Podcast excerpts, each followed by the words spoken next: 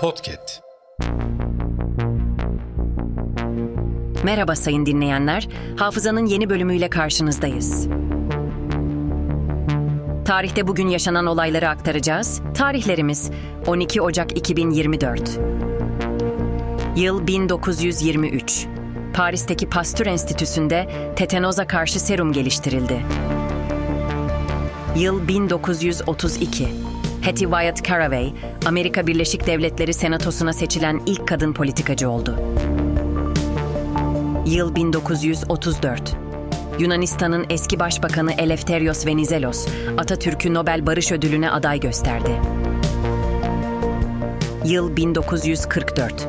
Genelkurmay'da ilk devir teslim, Mareşal Fevzi Çakmak yaş haddinden emekliye ayrıldı.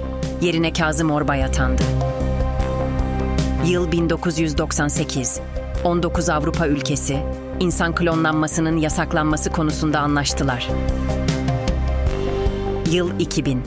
Hükümeti oluşturan partilerin genel başkanları Avrupa İnsan Hakları Mahkemesi'nin idama mahkum edilen Abdullah Öcalan hakkında verdiği ihtiyati tedbir kararına uyulmasını kararlaştırdılar.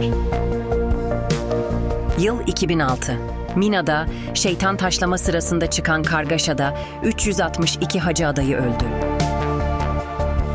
Yıl 2016. İstanbul'daki Sultanahmet Camii yakınlarında bombalı bir saldırıda 10 kişi öldü, 15 kişi yaralandı. Hafızanın sonuna geldik. Yeni bölümde görüşmek dileğiyle. Hafızanızı tazelemek için bizi dinlemeye devam edin.